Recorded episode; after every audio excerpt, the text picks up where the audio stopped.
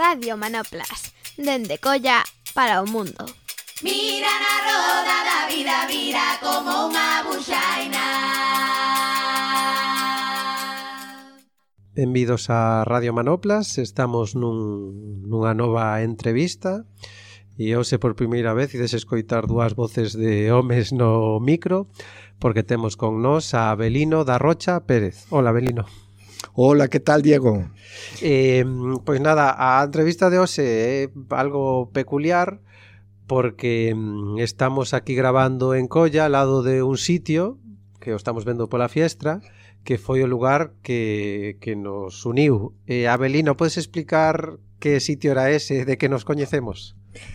Bueno, pois nada, era un, é un sitio eh, da primeira infancia que, que bueno, que naquela, naquel momento era un chamábase guardería, E, e aí foi onde comenzaches ti as primeiros pasos da, na educación, non? E na, no xogo, na, no interés por, por todo que, o que está relacionado ca, ca, ca educación eh, intentamos que fose un lugar o máis amable, o máis tranquilo, o máis eh, alegre, digamos, non?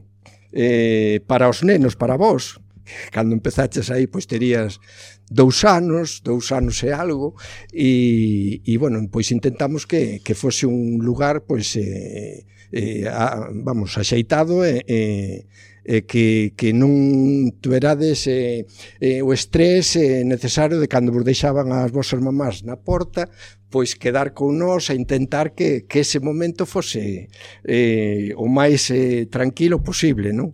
Sei que algúns rapaces, pois, bueno, os rapazas tamén tiñan problemas ao quedarse porque había que, bueno, pois apartalos da familia, da nai, da aboa, de que non viñese a, a traer, e nos intentábamos pois acaricialos, acariñalos, eh, tratar de, de, de tranquilizalos e logo empezar a vida diaria de, da escola era un lugar enorme, enorme, con uns teitos altísimos, que naquela pois as escolas infantiles, pois en vez de escolas axeitadas, pois parecían un pouco galpóns, non? E, e foi así unhas construcións feitas, bueno, sin pouca con pouca idea para que estaban adecuados, entonces bueno, pois a, a no momento aquel aquilo era un enorme, non para para os para os nenos e as nenas.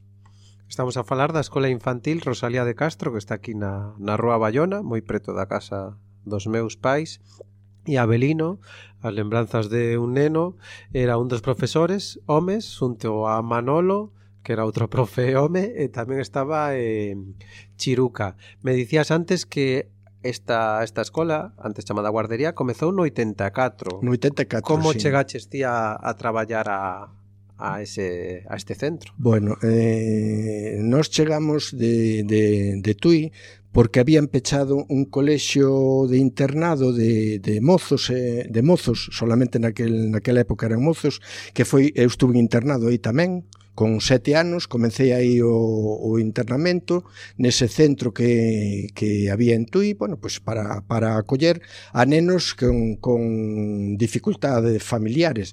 Eh, máis que dificultades eh, pois eh, nenos que tiñan, bueno, pois que eran orfos, eh, tiñan necesidades económicas as súas familias, etc. E, e, e aí recollían a, pois a toda Galicia, parte de León, de, de Asturias, e aí foi onde comecei eu e, e estuve como alumno durante dez anos, máis ou menos, logo eh, volvín como educador, que naquela naquel momento pois eh, so, eh, estaba rexido por por eh, educadores de do seminario E, e logo, pois, eh, bueno, non sei, por, por unha cuestión de cambio de, de, de foi cando se trasla, traspasou a, a servicios sociales á Xunta de Galicia, pois cambiaron eh, eh, os educadores de, de, de seminario por educadores de, de sociales, non digamos. E, e en ese momento, pois, eh, me, me anotei, eh, intentei, vamos, poñerme ao día en, en cuestións de, de, de educación social, naquela non pedían ningún, ningún título máis ou menos eh, adecuado a, a, ao tema da, da educación, tal como está hoxe en día controlado, e estivemos aí pois durante 6, 7 anos. Logo, co cambio de, de de política da Xunta pois eh, pecharon o colexio ese eh, evitando que, que se concentrara pois aí os, os rapaces, non? Empezaron a diversificar e, e pecharon ese, ese centro ou convertiron en un instituto que hoxe en día é o Instituto Castro en, en Tui, un instituto de educación secundaria e, e nos trasladaron pois a, a min e aos compañeiros de, de xunto con Manolo tamén que era educador e o, o demais personal nos trasladaron pois á guardería de Colla que aí foi onde empezou a, a, a nosa andaina. E, e cando eh, vos din que ides vir a Colla que, mm, non sei, que apareceu aí na túa cabeza que Colla nos 80 era un barrio bastante distinto da actualidade tamén era facer unha tarefa distinta porque era con meniños e meniñas máis máis pequenos que no centro. Que, que lembras de... Eh, vamos a ver, en principio nos eh, de colla non tiñamos moita moita información, digamos. Non sabíamos que tipo de población había, sabíamos que era un barrio periférico de, de, da, do centro da, da, da cidade de Vigo, non? Que era un barrio pois que estaba habitado por, por xente traballadora, un barrio enorme e tal, pero vamos, non tiñamos nin idea de, de, de, de co había aquí en, en, en Colla, non? e, e bueno, pois eh, viñamos así con unha expectativa eh, sin saber moi ben a donde, donde nos íbamos a ubicar, sin saber con quen íbamos a traballar. Nos tiñamos un bagaxe xa importante, non? Que, que nos gustaba pois, o traballar con, con nenos, con adolescentes, que no, no, no tempo, no, o sea, no tempo que estuvemos traballando en TUI de educadores, pois había mozos eh, xa de, de varias edades, entre eles máis pequenos, máis maiores, pero aquí, claro, isto era unha sorpresa para nós, tivemos tivemos que adaptarnos, pero correndo a, a nova poboación que íbamos a atender, non? Que eran cativiños de, de, de seis meses, sete meses, oito meses, hasta eh, catro anos, máis ou menos, catro, cinco anos. E aí foi dende tivemos que espabilarnos, poñernos ao día e empezar a, a buscar eh, materiales para poder eh, bueno, pues, traballar con, con eles, con estas edades, non? que era totalmente eh, diferente para nós. Empezamos a, bueno, pues a, a facer cursos, a, a buscar materiales con outras persoas e, e empezamos a, a, eso, a poñernos ao día Desde o punto de vista meu, bueno, pois eu creo que sempre tuven esa, esa dedicación, gustoume sempre o traballo con, cos chavales e, e sempre procurei, bueno, pois eh, estar ao día en, en, no tema da, da, da innovación pedagóxica, digamos, non? Porque, bueno, naquelas escolas infantiles era o que falamos antes, eran máis aparcadoiros que, que, que outra cousa, non? Eh, nos empezamos a, a revolucionar todo porque é curioso porque eh, xunto con nós chegaron tamén un, unhas compañeiras, unhas educadoras, a dirección da escola tamén eh, nos concentraron aquí, de outra escola de daqui de Vigo que se chamaba, o sea, estaba en, en cerca da Plaza de España, eh, non me lembro agora como se chamaba a escola que, que, que tamén, vamos, pecharon aquela escola e unificaron todo aquí en Colle, non?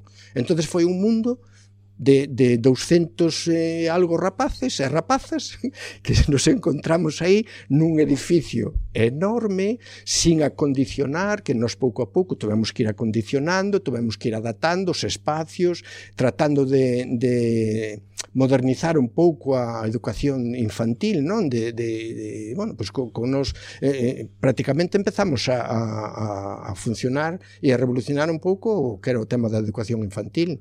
Eh, estábamos eh, bueno, pues inquietos por, por ese tipo de educación, eh, modernizamos eh, certas metodologías porque bueno, pois, pues, non, non tiñamos nin, nin elementos, non tiñamos materiais, non tiñamos absolutamente prácticamente nada, vamos, solo, solamente sillas, mesas e espacio. E, e quen eran as vosas referencias naquel momento sobre outra forma de facer educación con, con crianzas así pequenas?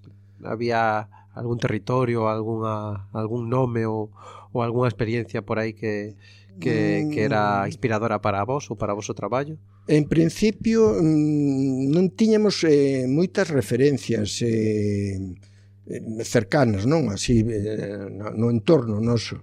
Eh, sí que tiñamos eh, conocemento de que en outros en outros sitios, sobre todo en Italia, eh, había había unha, vamos, unha forza enorme con respecto á educación infantil, non? Entonces empezamos a preocuparnos e incluso chegado a certo momento cando se empezou co tema de intercambio de o intercambio de, de profesionais, en este caso de, de educadores infantiles, non?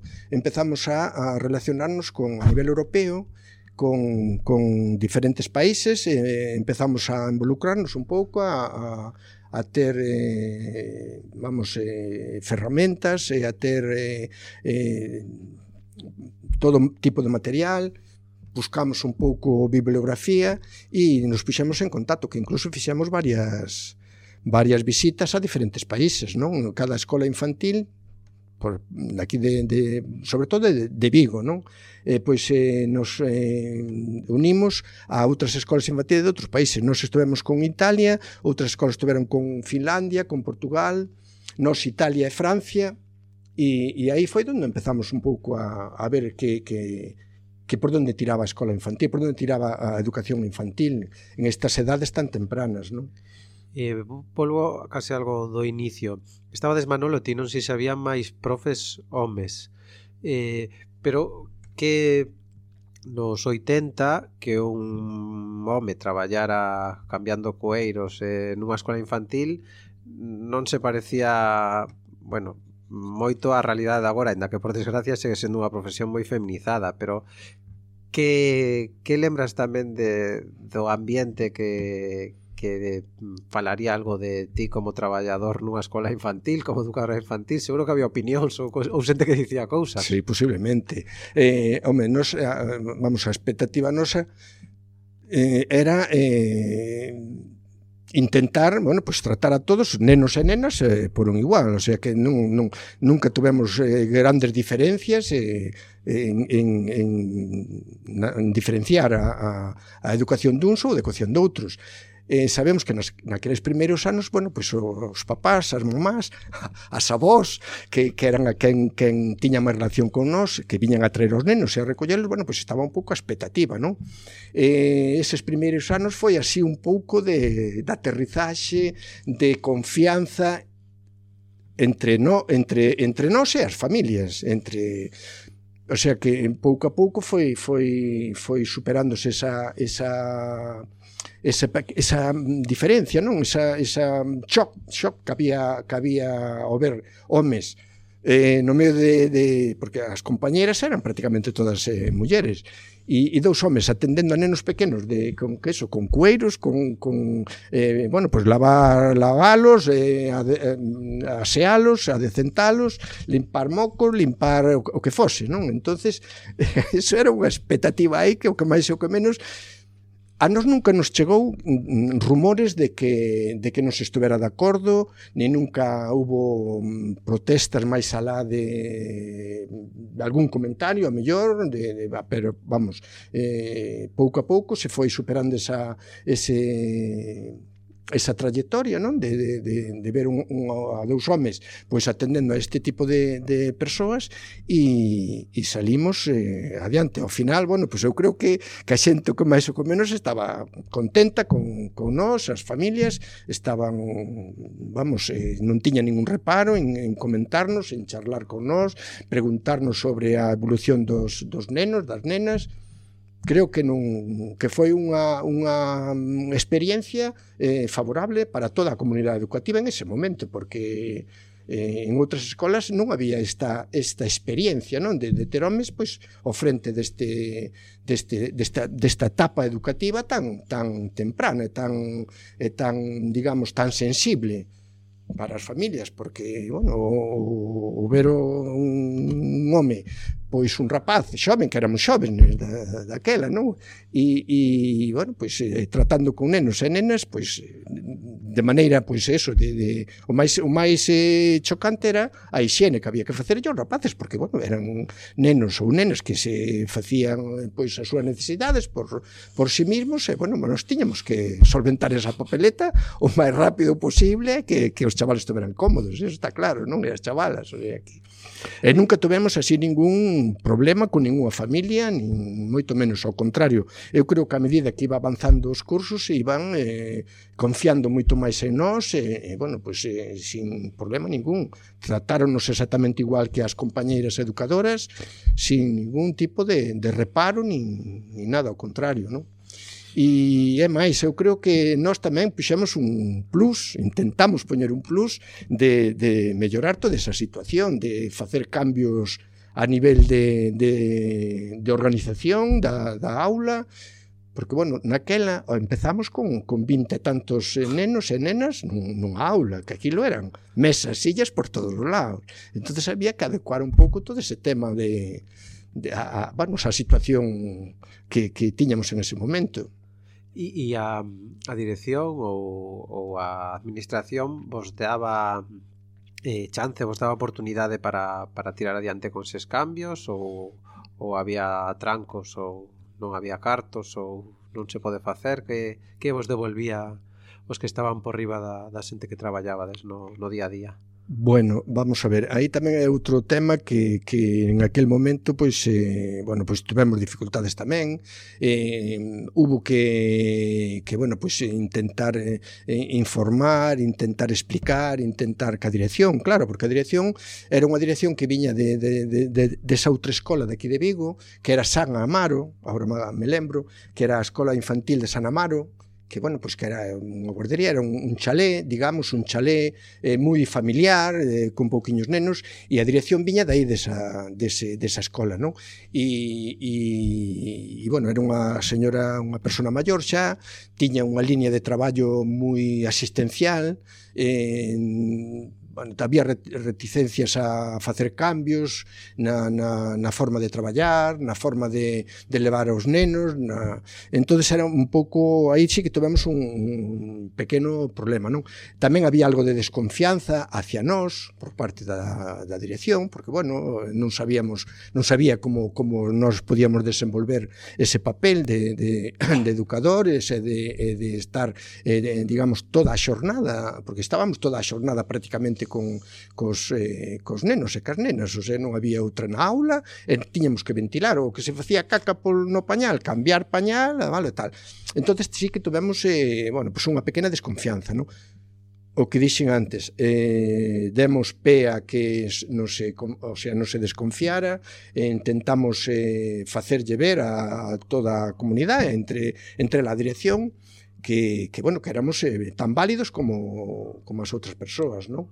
e, e en ese aspecto eh, non, non tovemos demasiado problema. Si, sí, hubo que, bueno, pues, eh, demostrar que, que servíamos exactamente e valíamos igual que, que, que as nosas compañeiras, non que as educadoras. A nivel económico, hubo moitos problemas tamén, antes eh, bueno, pues, eh, con esta en esas primeras anos con esta dirección o máis importante era a alimentación dos chavales, eso sí, en esos primeiros anos a alimentación era estupenda, e había, bueno, pescado do pincho e, e, e vamos, as comidas se facían na, na propia guardería. Antes, antes se dicía que Eva, que foi unha das, das persoas que, que pasou polos micros, que traballa de cociñeira na escola infantil, sí. segue a dicir que a día de hoxe tanto produto como o, como produto que entra, como a comida é algo que está coidado, que se segue a funcionar sí, ben, sí, sí. a haber cociña sí. na propia escola e está ben que eso se manteña. Sí, sí, no, aí a, a, inversión toda que se facía neses primeiros anos era en, en alimentación, o sea, que aí viña o mellor para, para a escola infantil. Bueno, logo que o cambio da dirección tamén se foi cambiando pois certos aspectos, xa hubo que, bueno, pois a, a, a adecuar os presupuestos, xa a alimentación empezou a baixar, de todas formas vamos a, a, a alimentación se facía na, no propio centro, na, con, con personal especializado, con, con súa titulación, ca súa formación, eh, os menús eh, bastante equilibrados, non? Que, que aí sí que se entrou xa un pouco en, en todo este tema. E, e bueno, foron experiencias que, que pouco a pouco tivemos que ir era como unha carreira de vallas, había que ir saltando e, e pasar unha valla, bueno, pois intentar mellorar a seguinte, e así pouquiño a pouco, para que, bueno, pois eh, tuverades a mellor educación, a mellor formación dentro desa etapa que, que, que nos gustaría e que tiñamos a inquedanza de, de proporcionar, non? Eh, dicías antes, Abelino, que mm, e nesta escola coñeciches a, a túa parella, a Tere, pero que ti no 2002 dous, coincidindo co, co desastre do Prestige, cambias de centro de traballo, segues traballando na Xunta, pero te vas, das un volantazo, non? Un xiro o... Sí, sí, aí hubo que hubo que tomar unha decisión, porque bueno, íbamos tendo anos xa e, e nos parecía tamén un pouco vamos, eu, eu non cambiei por o tema da idade, non? Tuve esa oportunidade de facer un cambio e aproveiteina, pero sí que notaba que a medida que ibas eh, cumplindo anos, pois eh, te encontrabas un pouco máis eh, limitado en ese aspecto de mobilidade, porque, bueno, en estas edades había que estar movéndose continuamente e ali non había un momento de descanso absolutamente ningún, non? E ademais era bo ver aos chavales moverse e, e, e entonces nos, nos, me din conta Incluso mm, unha dirección que tuvemos tamén me invitou a que, que coller esa oportunidade de, de facer o cambio, e tuve unha oportunidade e, e me fun a, a, a xunta ao servicio de menores, que había unha plaza de educador para, para un servicio especializado de, de reforma de, vamos, de, de levar, eh, de organizar, digamos, o, o, as medidas xudiciais dos menores eh, eh, involucrados en delitos ou en faltas, non? xudgados polo xulgado de menores de Pontevedra. Entonces a administración tiña un equipo en ese momento que estaba formado por, por unhas persoas do exterior e despois eh, bueno, crearon un propio equipo non de, de, no servicio de menores exclusivamente para levar medidas judiciais deste de, de tipo. Non? E, e bueno, pues me, me, me inscribín, me cumplín o, o, os baremos. Exactamente, non? E, e, e me fun con gran dolor en principio os primeiros anos, porque, bueno, eh, botaba moito de menos o, o traballo cos nenos porque era un traballo gratificante, era un traballo eh, movido, eh, que estar todo o día mm, facendo eh, cousas cos nenos e, e bueno, buscando a maneira de entretelos e de, e de involucrarlos no, no, no traballo pedagóxico. Aquí foi un cambio xa radical, non? De, de bueno, pues, os rapaces estaban eh, ou están ou ben en centros, e se están en centros eh, non nos levamos nós, e, e xa era con chavales xa máis adolescentes, xa con outro tipo de problemática, non? E, e para a xente que este máis fora, estes adolescentes, non, de a partir de 14 anos que teñen que pasar polo xulgado por algún tipo de falta ou de ou de delito, cale a tarefa do teu servizo ou que en que consiste o vos acompañamento? Nos, eh, unha vez que, que o xulgado dita sentencia, eh, nos encargámonos de facer cumplir eh, as sentencias que coas súas obrigas en función do tempo que a xueza pois estipule, non? Nós somos, digamos, un interlocutor entre o mozo ou a moza e o xuzgado. O sea, nós temos que informar da evolución destes eh, menores, non? Eh, en función da, da digamos, nós chamámoslle medidas, da, da, digamos, da, do, do castigo que lle impoña a, a xueza, non? hai diferentes tipos de medidas, nos eh, levamos o que o, as medidas en medio aberto. En medio aberto quere dicir que os, os rapaces están coa súa familia ou están en algún centro de protección. Non están en un centro de, digamos, de réximen eh, semiaberto ou pechado ou tal. Eso se encargan... Abelino Montero, non? Que Exacto, que temos en... Sí, en Orense tamén hai varios... Eh, bueno, en cada provincia hai, hai, hai algún centro deste tipo para eh, eh executar as medidas de, de, de internamento. Non?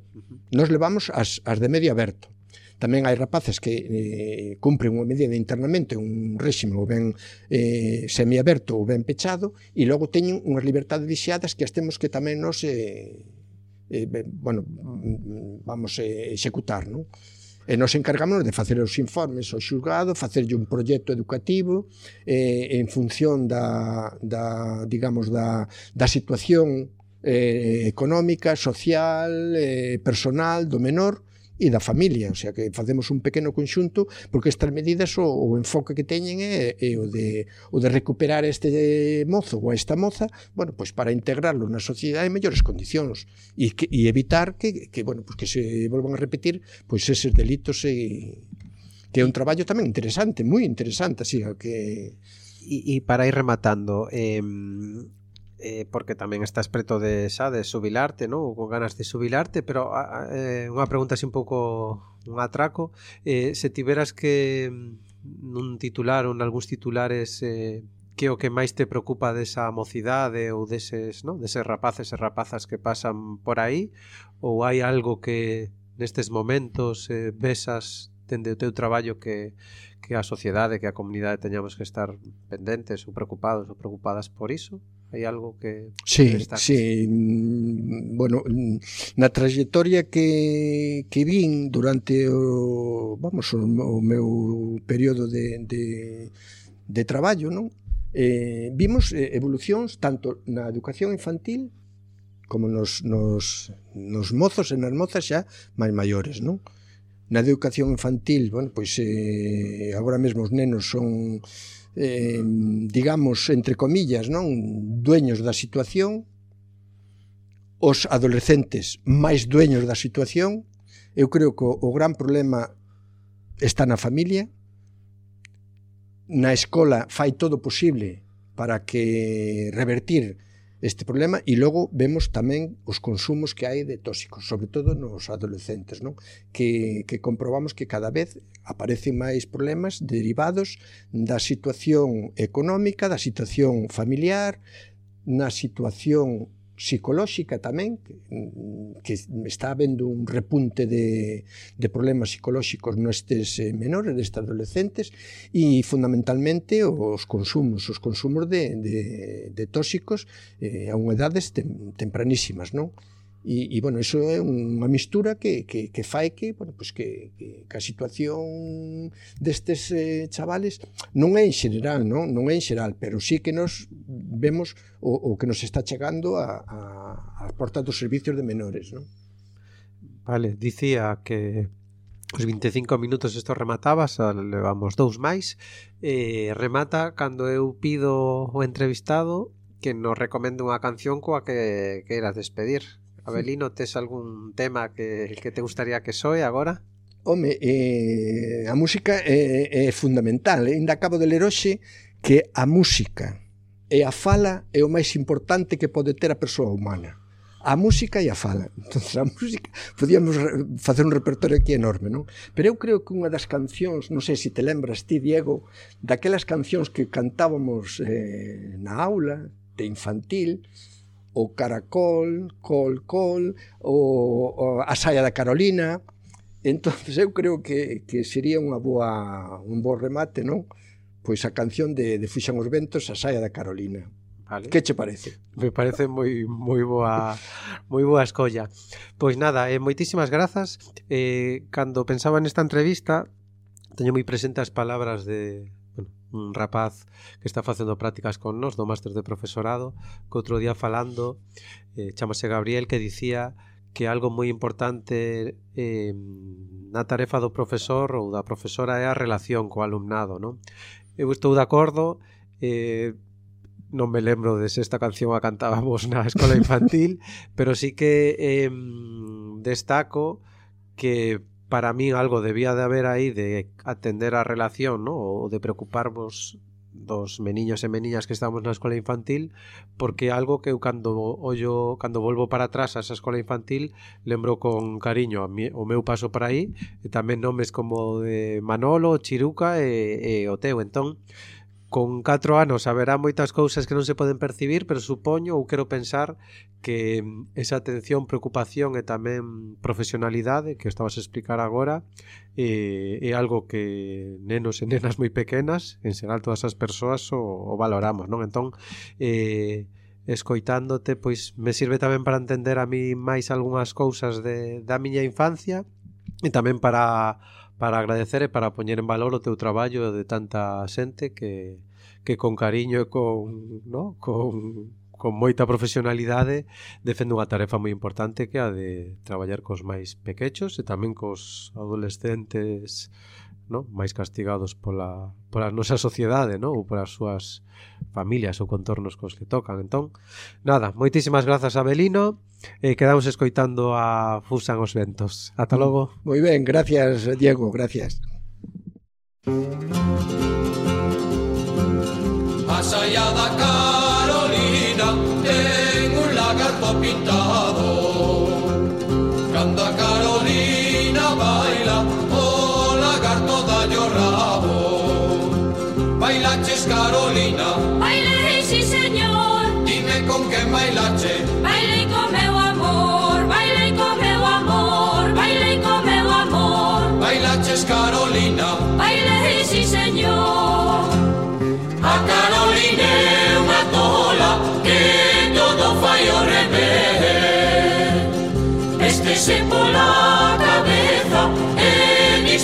por. Bailaches Carolina, bailé en un. Dime con quién bailache. Bailé con coronel, bailé con coronel, bailé con coronel. Bailaches Carolina, bailé en un. O oh, señor cura no baila porque tengo una corona. Baile señor cura.